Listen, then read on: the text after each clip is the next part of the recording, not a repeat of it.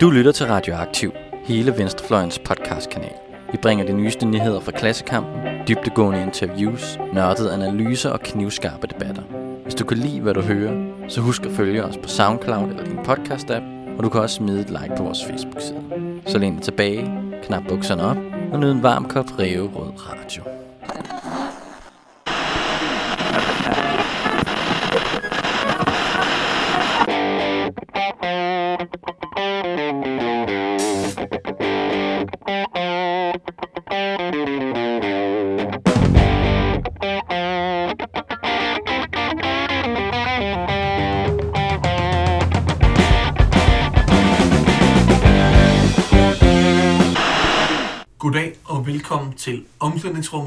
Radioaktivs sportspodcast, hvor vi behandler de problemstillinger, der opstår rundt omkring sport fra et venstreorienteret kulturkritisk perspektiv. Jeg sidder her i dag sammen med Jonas Neivelt, godt at være tilbage. Og Simon, Er væk.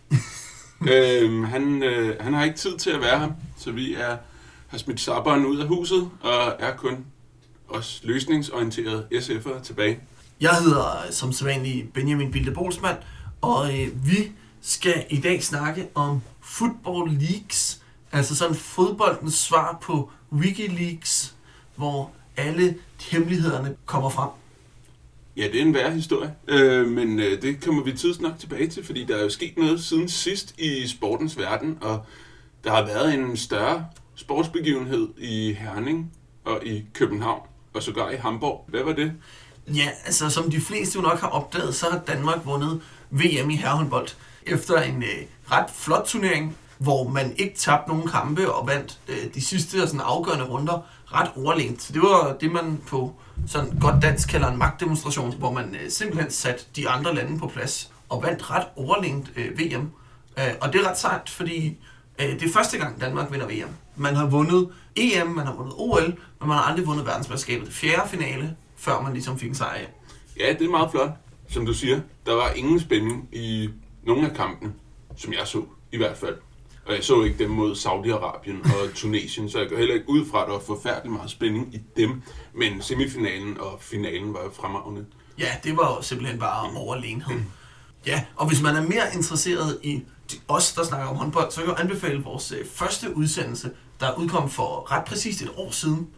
Der snakker vi om håndbold og foreningskultur i Danmark. Ja, så der er jo i hvert fald mulighed for at få mere at vide der. Men sidste udsendelse, vi havde, ikke for et år siden, men for en måned siden, det var jo vores store nytårsspecial om skihop. Og der er jo sket noget, siden vi var i Oberstdorf. Der er sket noget. Den øh, famøse firebakke-turnering er nemlig overstået med, øh, efter de startede med at hoppe i Oberstdorf, så det traditionelle nytårsskihop i Garmisch-Partenkirchen, og bagefter så slutter man af med to østriske turneringer i Innsbruck og Bischofshofen.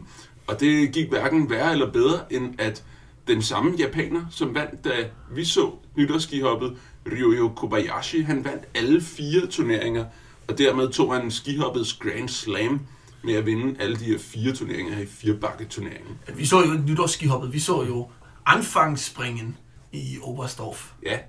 Auftaktspringen, undskyld, ja. Auftaktspringen, ah, det kunne jeg ikke huske det, men det hedder det. Det var nemlig Auftaktspringen i Oberstdorf, vi så, og det er jo spændende, at uh, Ryoyo Kobayashi kun er den tredje nogensinde, der vinder den her Grand Slam i alle fire bakketurneringerne. Den seneste, det var så sent som i sidste år, hvor den polske Kamil Stok vandt. Han, var, han skuffede lidt i år. Ja, og hvis der er nogen, der tænker, det der grov så meget Jonas han ved om skihop, så er det jo ikke kun her i, i Radioaktiv, at vi har opdaget Jonas' kapacitet inden for skihopviden, men også på de danske licenskanaler. Hvad var det, der skete umiddelbart efter, at vores øh, seneste udsendelse udkom? Jamen, der blev jeg vækket en tidlig morgen den 1. januar, hvor jeg lige var stået op og var i gang med min morgengymnastik, og så blev jeg bedt om øh, Radio 24-7's kulturprogram AK247 om at komme ind og fortælle om nytårsskihoppet til deres udsendelse den 2. januar. Så der var jeg inde og udbrede mig om skihop. Ja, så hvis man vil høre Jonas øh, tale endnu mere klogt om skihop, end han har gjort i vores udsendelse, så kan man finde et link inde på Radioaktivs Facebook-side, hvis man bladrer lidt ned til sådan den anden, tredje, fjerde stykker. Så skulle der være et link til øh, udsendelsen. Ja, det var også uventet for mig. sidste sportsbegivenhed, der har været altså, de store begivenheder, siden vi var øh, med sidst, det er jo øh, den første Grand Slam i tennisens verden, Australian Open i tennis, hvor øh, singlerækkerne blev afgjort sådan, øh, måske ikke så uventet. Nej, det var Novak Djokovic, en, den serbiske stjerne, der vandt Australian Open, og det er meget nemt, når han kommer i finalen i Australian Open, så vinder han også. Han har aldrig tabt en. Til gengæld har han vundet seks stykker, tror jeg det er. Ja, så det er jo øh, en gentagelse og ikke den store overraskelse. Hos kvinderne var det øh, Osaka, der vandt. Øh, måske endnu mere interessant fra et øh, nationalistisk, dansk, patriotisk perspektiv, var det, at i kvindernes juniorrække fik vi en sejr ved Clara Tauson, øh, den tidligere herrespiller Michael Tausons datter, som, øh, som vandt juniorrækken øh, i Australian Open. Og det er jo et resultat, der har potentiale. Vi ved jo, tidligere danske vinder af juniorrækkerne er jo for eksempel øh, spillere som Christian Ples, øh, der viste... der måske ikke helt levet op til det potentiale, han viste der. Men der er i hvert fald noget at satse på i fremtiden.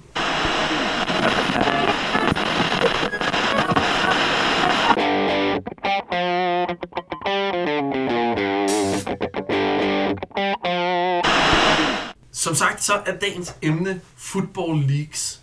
Og øh, Jonas, kan du ikke give en kort introduktion til, hvad er Football Leagues i virkeligheden for noget?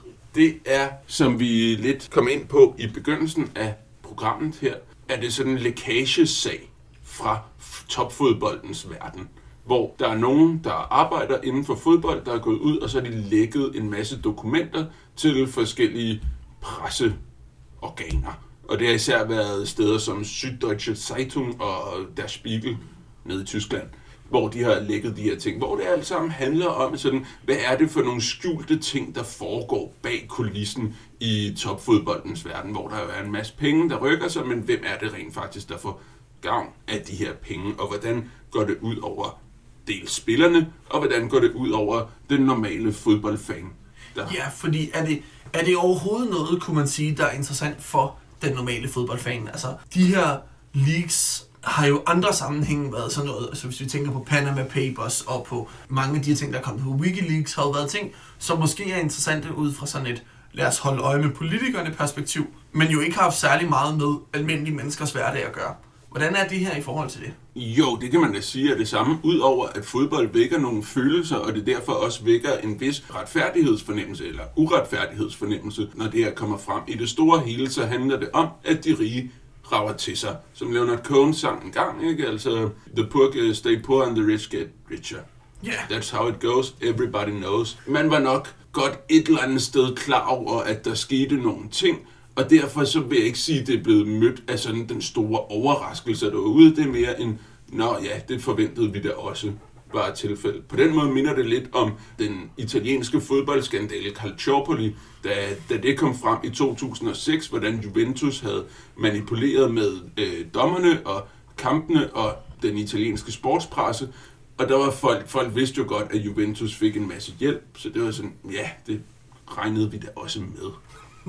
ja, altså øh, på den måde er det jo ikke, som du siger, den store overraskelse, men alligevel ret interessant at få nogle beviser på de her ting, man ellers går rundt og mistænker for at ske. Altså lige nu har vi nogle håndgribelige beviser, der handler om, hvordan foregår det egentlig ude i den store verden, den store fodboldverden.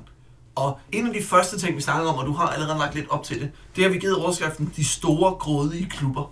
Og det handler jo om de her klubber, som, som på mange måder ikke længere er øh, foreninger eller klubber, men er blevet mega brands og tænker mere på, hvordan kan vi øge vores værdi, hvordan kan vi give dividende til aktieholderne eller til eneejerne, og mindre på, hvordan kan vi være en del af en velfungerende og retfærdig sportsgren.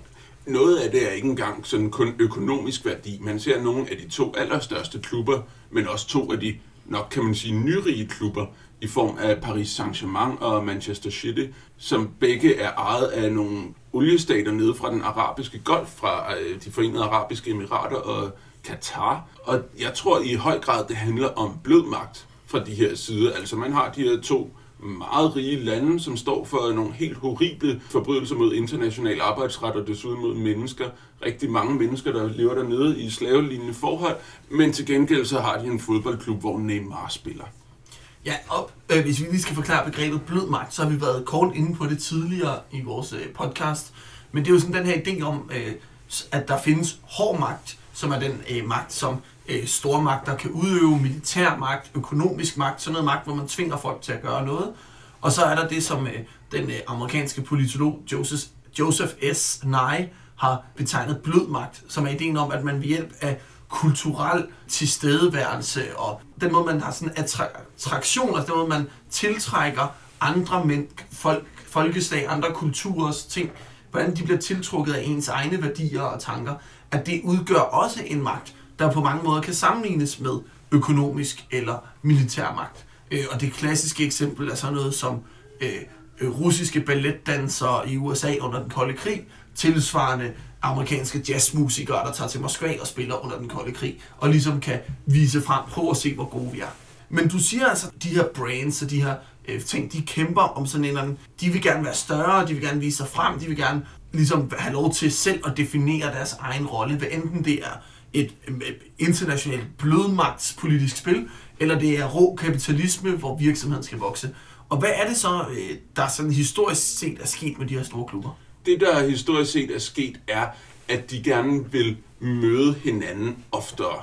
Fordi det skaber mere, det skaber mere hype, og det skaber flere tv-penge. Og man skal endelig ikke tro, at klubberne tjener specielt mange penge på, altså de største klubber, tjener specielt mange penge på, at folk tager ind og ser deres kampe rent faktisk. Det handler om tv-aftaler.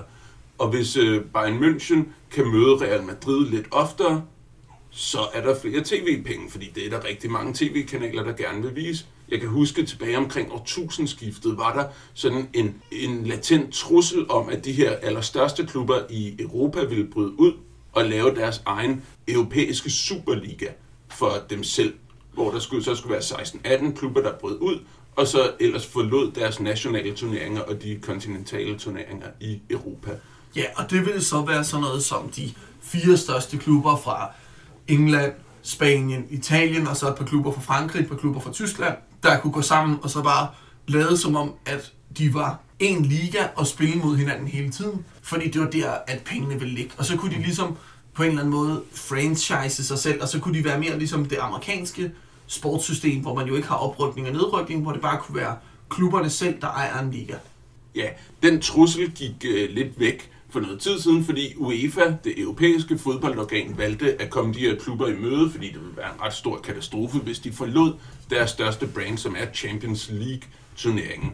Den, der tidligere hed Europacupen for mesterhold, men i dag hedder Champions League. Og det kom de blandt andet i møde ved, at de tre største ligaer i Europa, som for tiden er den engelske, den spanske og den italienske liga, øh, de alle sammen får de fire bedste hold fra den foregående sæson, bliver direkte kvalificeret til næste sæsons Champions League. Og det de så kom i møde med, det ville de store lande og de store klubber have. Så det fik de. Det Football League så viser er, at klubberne overhovedet ikke er gået væk fra den her tanke om at lave en europæisk Superliga, og der til gengæld foreligger ret konkrete planer om at lave den alligevel.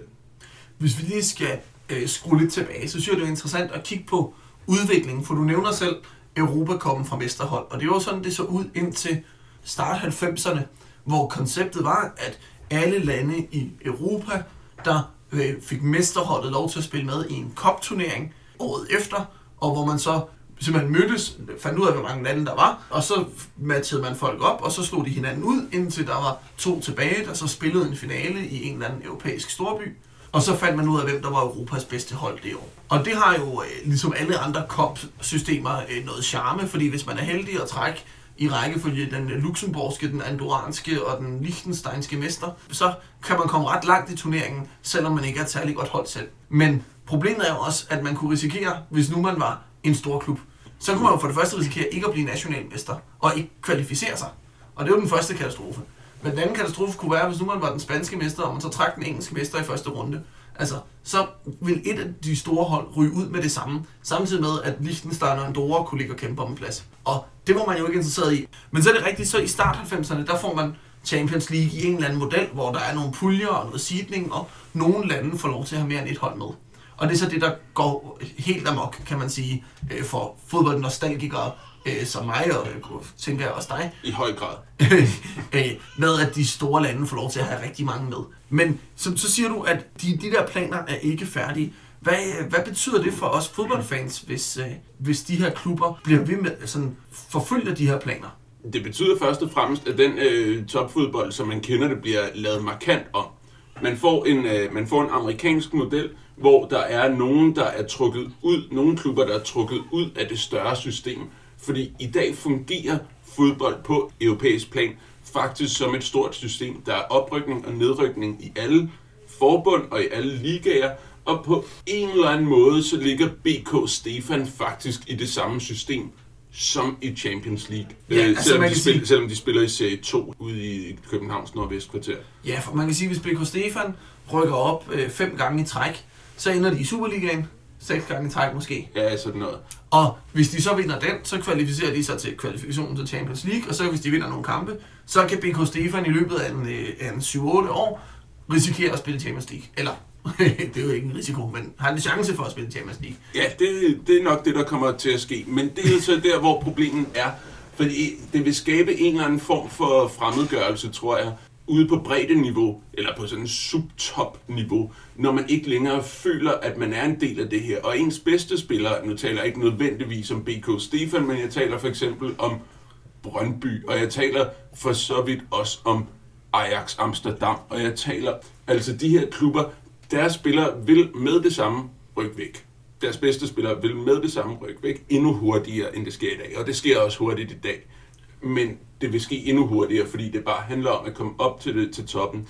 Det vil, han, det vil ske sådan, at øh, bænkene, altså det, reservespillerne på de her, i de her hold i den her øh, indtil videre fiktive europæiske liga, vil være spillere, der vil være de langt de bedste i alle de andre turneringer. Fordi pengene bare er så meget større. TV-aftalen vil være så gigantisk, og samtidig vil TV-aftalen for de nationale turneringer blive så meget dårligere, fordi de bedste hold ikke er med. Man kan simpelthen ikke konkurrere. Man snakker i amerikansk sport ret meget om det her med making the major leagues. Altså, hvis man er professionel sportsøver, det er jo i sig selv en præstation. Men, men det, der virkelig er det imponerende, det er, hvis man kan spille i den bedste amerikanske liga, uanset hvad det så er for en sportsgren.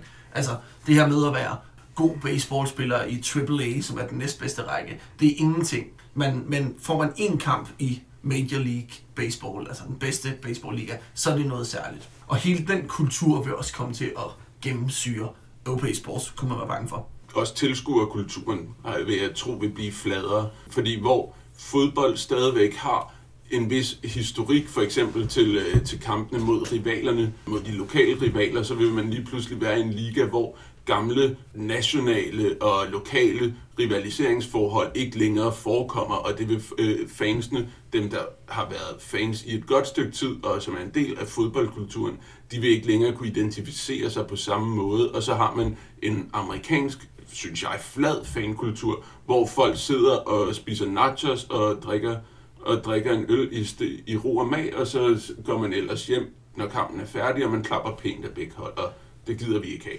Ja, man kan sige, det er jo helt konkret, vil der jo være nogle hold, hvor man kan sige, at hvis vi laver en europæisk Superliga på, skal vi så sige op til 20 hold, så vil Barcelona sikkert være med, men Espanyol vil ikke, så det øh, katalanske derby vil forsvinde. Tilsvarende Real Madrid med, måske Atletico med, men Rayo Vallecano vil ikke være med, så man mister nogle af de her Og som venstrefløjs fodboldhipster er det meget vigtigt at holde med Rayo Vallecano. Hvis man skal have så et favorithold fra Madrid, så hedder det Rayo Vallecano. Ja, fra Madrid. Ellers så er der jo både Bilbao og Barcelona, synes jeg, der ligger øh, godt ved.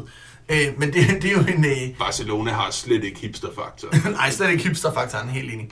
En ting, jeg også tænker er interessant, det er de her subtoplande, som Danmark jo, når vi er bedst, er en del af. Altså, man kan sagt den skotske liga, den hollandske liga, den portugisiske liga, den belgiske liga, den danske liga. Altså de her lande, øh, som kan præstere og holde med i Champions League, og nogle gange også kan have hold, der går videre fra Champions League, men ikke kan være sikker på, at de har hold, der går videre fra Champions League. Der er det jo sådan i dag, at det jo faktisk er en mulighed for FC Københavns fans, at de kan se deres hold spille mod Manchester United og Barcelona, og de kan gå videre måske i Champions League og 8. finaler, og hvis man er nede i kopsystemet, så ved man aldrig, hvad der kan ske. Og, altså, drømmen om den ultimative sejr ligger der, og det gør den jo ikke for, hvis, hvis det bliver løsrevet, og hævet til side. Og På den måde kan man tale om en fremmedgørelse. Det er et meget vigtigt begreb, synes jeg, i den her.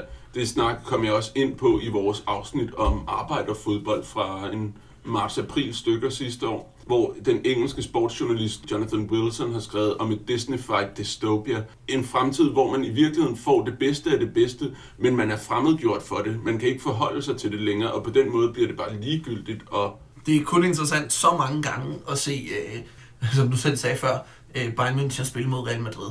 Det der, noget af det, der er interessant ved Bayern München og Real Madrid, er også, at de spiller mod hinanden allerhøjst fire gange om året. Ikke? mm, Men hvis de nu skal spille mod hinanden hele tiden, og det er hver eneste uge, der aldrig er en tirsdag aftenkamp i regnvejr i Stoke, men det altid er øh, eliteholdene, der spiller mod hinanden, så er det en anden spænding, der kommer. Altså så mister man det der med, at der sker noget særligt, når de store hold møder hinanden. Og til en vis grad er den følelse vel allerede mistet med Champions League-formatet, som det ser ud i dag. Ja, helt klart. Helt klart. Og, det, og vi er også øh, to nostalgiske, sure mænd, der sidder her og snakker om det her. Men da jeg var barn, der var det største, det største, det var da, når man endelig fandt en eller anden mulighed for at se den der fede Champions League-kamp, der kom, når øh, Juventus spillede mod Ajax eller sådan noget. Det var da det største, det var så godt. Ja, og i dag der er det jo, altså at man hver tirsdag og onsdag i sæsonen bliver stopfodret med fremragende fodbold, fremragende klubber, der spiller mod hinanden. Men, men den der tænding, den der spænding, den der følelse af, at man sidder med en unik oplevelse, den er jo væk. Hvis, man, hvis jeg skal være sådan lidt kynisk, så er det vel bare et, et, udtryk for kapitalisme, der fungerer. Altså, hvad er det, folk vil have? De vil gerne se øh, Messi mod Ronaldo. Hvordan får vi så meget Messi mod Ronaldo på én gang? Men så skal de møde hinanden i en kopturnering, en supercup, en liga, og i helst øh, fire gange en Champions League. Så får vi ligesom øh, optimeret de her begivenheder, som er det, folk gerne vil betale penge for. Er det ikke bare øh, kunderne, der be, markedet, der virker, kunderne, der ved, hvad de vil have, og et marked, der leverer det? Det kan man sige. Samtidig så viser de her football leagues også, også nogle mere moralske. Altså det her, det kan man sige, det er bare øh, god markedsføring, og det kan vi så være sure over, men det er det jo. Men de her football leagues viser også noget andet. De viser også, at der er nogen, der er i bedste fald på kant med loven, når de, for, når de formidler de her pengebeløb imellem sig. Altså man ser masser af penge, der helt systematisk bliver anbragt i skattely rundt omkring. Øh, Cristiano Ronaldo betalte den anden uge 140 millioner kroner tilbage til den spanske stat, som han lige skyldte dem. Ja, og vi ser jo også i de her football leagues, hvordan at det her system jo bliver styret af nogle klubber, der er villige til at bruge afpresning, villige til at bevæge sig uden for det system, det hele fungerer i, fordi at de vil maksimere for sig selv. Så det er jo en, øh, en manglende respekt for de aftaler, der er indgået, og for den, den sammenhæng, man agerer indenfor.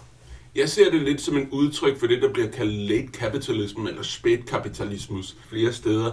Mere end jeg selv synes, det er specielt præcis beskrevet, hvad det egentlig er, så er det en, så er det en følelse. Det er en følelse af dekadence på toppen, fordi det i virkeligheden går for godt. Altså det går så godt, at man kan tillade sig hvad som helst, og så på en eller anden tidspunkt ligger det jo i ordet sinkapitalisme, at det må stoppe på et tidspunkt. Så det er den her følelse af dekadence før faldet. Og der er det klassiske eksempel, det er jo Edward Gibbon, den britiske 1700-tals historiker, der skrev The Decline and Fall of the Roman Empire, hvor han finder svaret på, hvorfor faldt det romerske imperium, og det mener han skyldes en form for moralsk forfald i toppen. Og det kan man jo så som udefra kommende i aktager af den her fodboldkultur, så kan man jo se det samme. Hvor længe vil folk finde sig i det? Måske ret længe. Ja, fordi hvis jeg skal komme med en øh, sådan en marxistisk kritik af, af den analyse, så er det jo, at du sætter overbygning før basis, ikke? Altså, at det er det, er det kulturelle øh, ageren, der ligesom løber forud for en økonomisk og strukturel undergang. Og hvor man på mange måder, så ser jeg det vel mere som, at det er det øh, strukturelle og økonomiske niveau, der ligesom skaber den kulturelle ageren.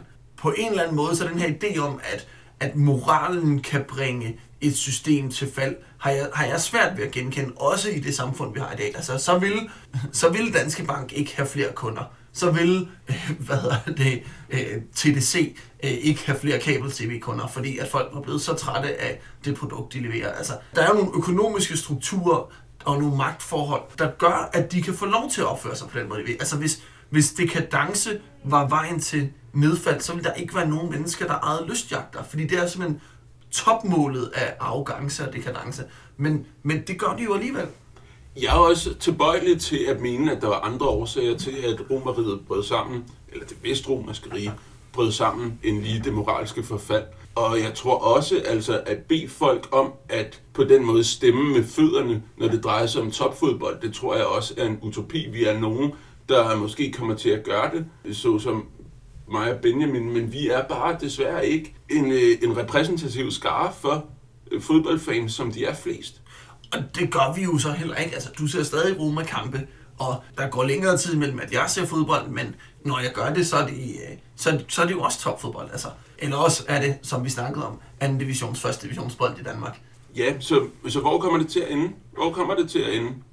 Ja, og det ender jo nok øh, som med altså den her akkumulation i toppen, ikke? Altså, at vi får et system, der er, der er mere kapitalistisk, mere hvad er det, fokuseret på at producere profit hos de få, der ligesom kan monopolisere markedet. Og det gør det jo, hvis ikke der kommer en eller anden form for statsindgreb, ligesom på i øvrigt alle andre områder. Ja, eller at man ser de her udviklinger i tv-pengene som en boble, og de har faktisk bobleagtige tendenser i, hvor meget større de bliver.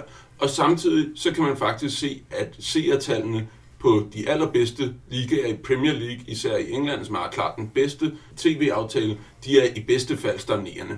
Altså, der er jo nogle muligheder for at sige, hvor meget kan det blive ved med at vokse. Men der bliver stadig flere og flere indere, flere og flere kinesere med øh, satellit-tv og adgang til et internationalt sportsmarked. Og jeg tror, der kommer til at gå en del tid, før vi ser, at vi har mættet markedet for elitesport inden for de her store internationale sportsgrene.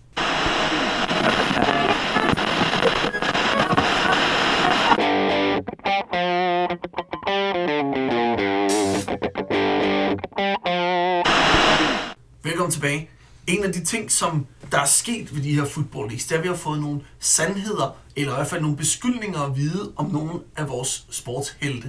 Og den største historie er måske nok den historie, som øh, Der Spiegel offentliggjorde i slutningen af november sidste år, hvor de øh, fortalte historien om, eller beskyldningen om, at Cristiano Ronaldo skulle have voldtaget en kvinde i Las Vegas i USA mange år tidligere, eller sådan øh, i starten af, af hans karriere.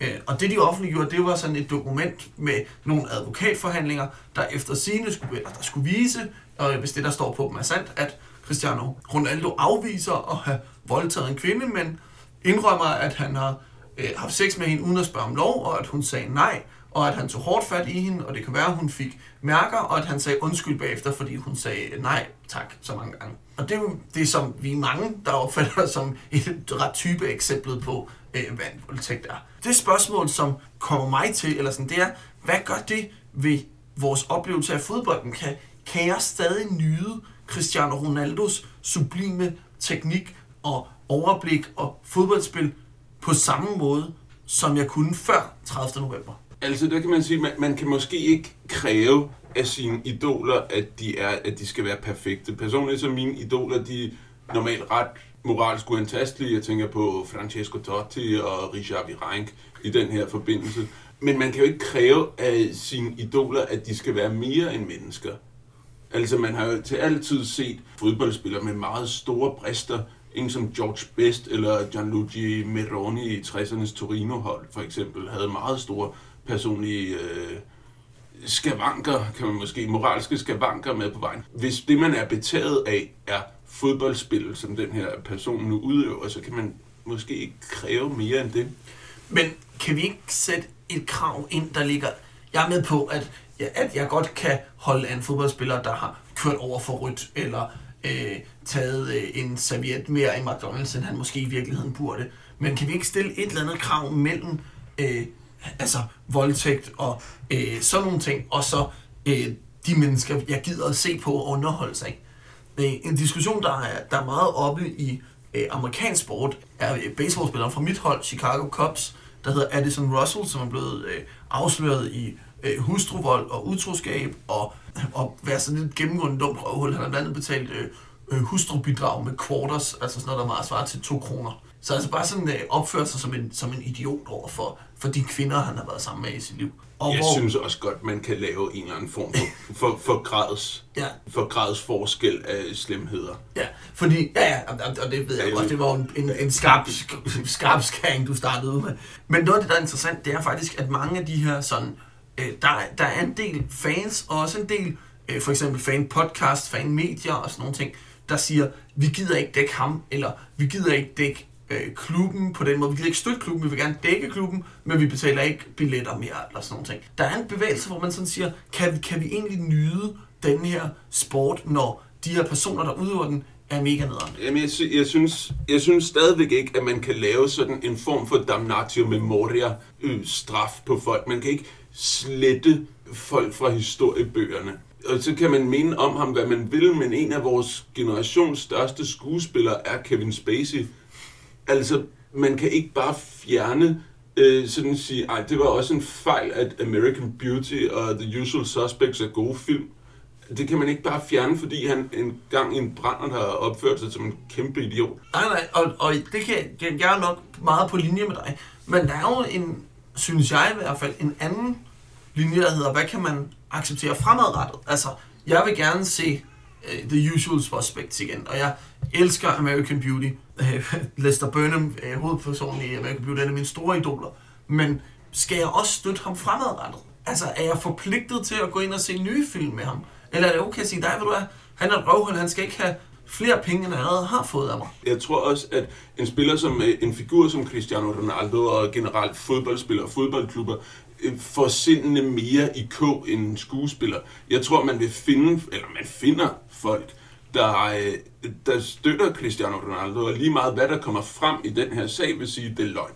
Ja, det tror jeg, du har fuldstændig ret i. Det er jo ikke sådan unikt, at der, som du selv ligger lidt op til, at der er moralsk antastelige figurer i sporten.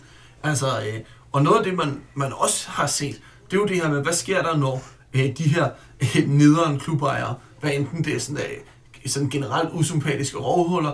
Det er kriminelle som uh, Taipei i uh, Olympic Marseille, eller det er uh, de her oliemilliarder, der er fremskaffet på uh, forfærdelig uh, vis. Mm. Uh, når de her midler eller personer bliver styrende for klubber, så holder fansene jo væk. Ja, det gør de. Og der er jo, altså, der er jo bare en objektiv forskel på, på hvordan man gebærder sig. Altså, en, den gode italienske klub Perugia havde i 90'erne en meget farverig, tør man nok sige, fodboldpræsident ved navn Luciano Gaucci, som blandt andet øh, prøvede at bestikke en dommer ved at give ham en galophest. Men altså, det, det er jo småting i forhold til, at Paris Saint-Germain er ejet af Katar.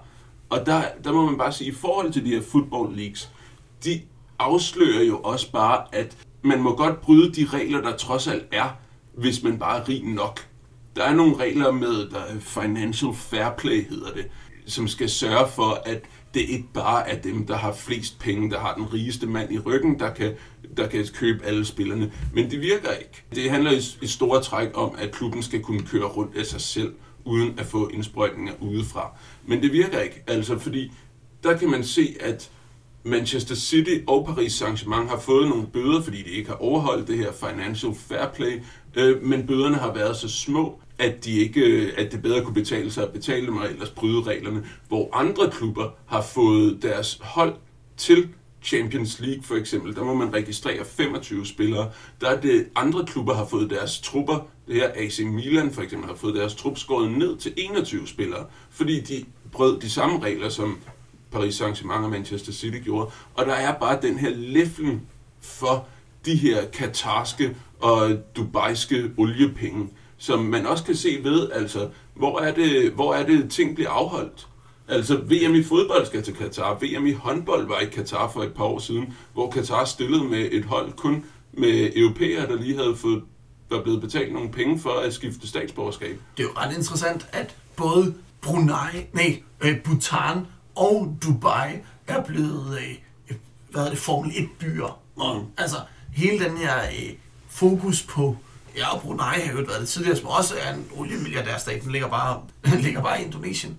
Men den her, ja, som du siger, leflen efter milliarderne, som er jo også noget af det, der er blevet offentliggjort i Football League. Det er jo ikke kun klubberne, man har set opføre sig. Der er jo også blevet fremført ret kraftige indicier og er grænsen til beviser på, at tildelingen af VM i fodbold i Rusland og i Katar var baseret på bestikkelse og...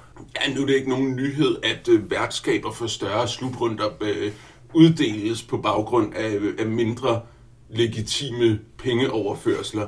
Men altså, men er det her, er det ikke bare to hvide mænd, der sidder i et hensynende kontinent og er misundelige på, på, at de andre overtager os? altså, det synes jeg er et fint spørgsmål. Og jeg tror jo, den måde, at det kan besvares skarpest på, det er at sige, der er jo ikke nogen af os, der har begrædt øh, indkomsten af afrikanske fodboldspillere eller sydamerikanske fodboldspillere i øh, vestlig fodbold eller sådan europæisk fodbold. Altså det har jeg i hvert fald intet imod. Jeg synes, det har beriget øh, det fodbold, vi kan se på stadionerne. Det, som jeg begræder, er jo hovedsageligt den, altså det strukturelle tab, altså gangen fra det her, at som du selv beskrev, altså at BK Stefan er i samme turneringspyramide som Real Madrid og Manchester United. Altså den bevægelse fra det til en franchise Disney-kapitalisme, som jeg ikke ser gør noget godt for, for andet end uh, the casual fan, og ikke gør noget godt for spillet. Jeg tror, at det med Disney er vigtigere end som så, fordi jeg tror i meget høj grad, at den her forretningsmodel henvender sig til børn, og i især grad, øh, høj, højere grad deres familier.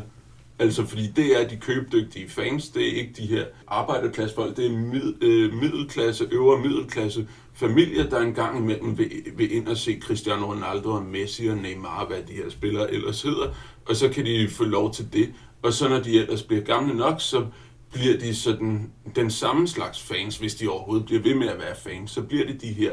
Og så går man bare klip af den her kant, som man trods alt kan finde på fodboldstadioner, og som jeg synes er på vej ud af samfundet. Og hvad er det så, der har skabt den her ændring? Altså et, et, et hurtigt, nemt svar vil være at sige, der er simpelthen blevet for mange penge i fodbold, både hos udøveren og for klubberne og for FIFA, til at man kan fastholde den her naive foreningskultur. Ja, altså, men øh, pengene er klart blevet flere i især grad. Altså, man kan jo ikke forholde sig til fodboldspillere længere, hvor det har vi også snakket om før. Altså, sådan at før kunne man trods alt godt forholde sig til Todi Jønsson fra FCK ja. som et menneske. Men kan man forholde sig til dem i dag? Det er i hvert fald nok svært at forholde sig til Cristiano Ronaldo, der lige har betalt 140 millioner tilbage til den øh, spanske stat. Jeg kan godt afsløre, selvom jeg har et øh, velbetalt job som gymnasielærer, at øh, hvis der kommer nogen, der opkræver 140 millioner kroner fra mig, så vil jeg have problemer med at overføre den til den første. Jamen, det vil jeg også. Det vil jeg faktisk også. Så, så der er selvfølgelig en, en helt anden verden, der er nogle af de her elitesportsudøvere, der lever i. Samtidig så skal man også bare få nogle proportioner ind, fordi fodbold bliver tit omtalt som big business, men så er det heller ikke større business. Altså, vi har fundet nogle lister fra Forbes, der viser, at øh, Real Madrid og Manchester United, de to dyreste fodboldklubber i verden, i Danmark, i deres markedsværdi ligger et sted mellem TDC og Jyske Bank. Bevares, det er store virksomheder.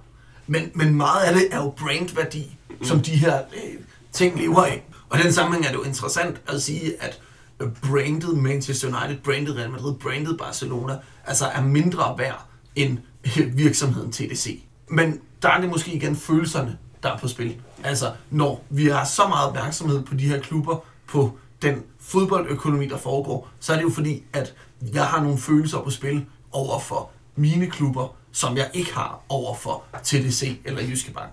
Der tror jeg ikke, du er alene. Et sidste spørgsmål, og vi har jo været lidt inde på det med snakken om Kevin Spacey, det er om der er nogle andre ting, der er acceptabelt i dag.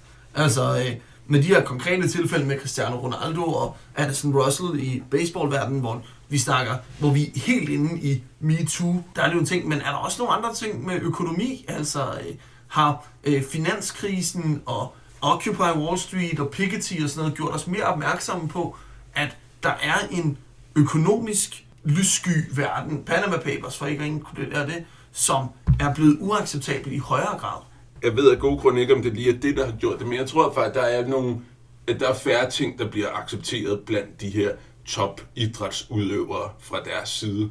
Altså, vi har øh, i gamle dage, hvor fodboldspillere, topfodboldspillere stadigvæk tjente gode penge, bevares, men i og med, at man stadigvæk som en normal øh, fodboldfan kunne identificere sig med deres hverdag på en eller anden måde, så var man måske også mere tilbøjelig til at tilgive dem nogle ting, fordi man tænker, når jeg, jeg har da i virkeligheden også laster.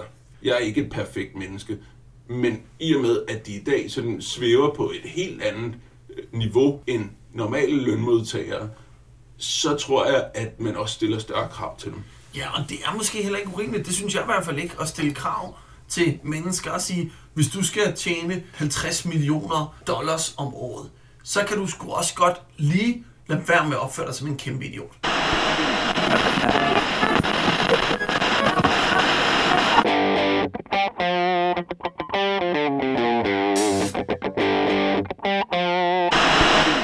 Var alt fra omklædningsrummet i denne omgang. Vi har snakket om fodbold. Vi har brokket os over, at det ikke er ligesom dengang, da vi var små drenge. Og brokket os over kapitalismen og alle de øh, problemer, den fører med sig.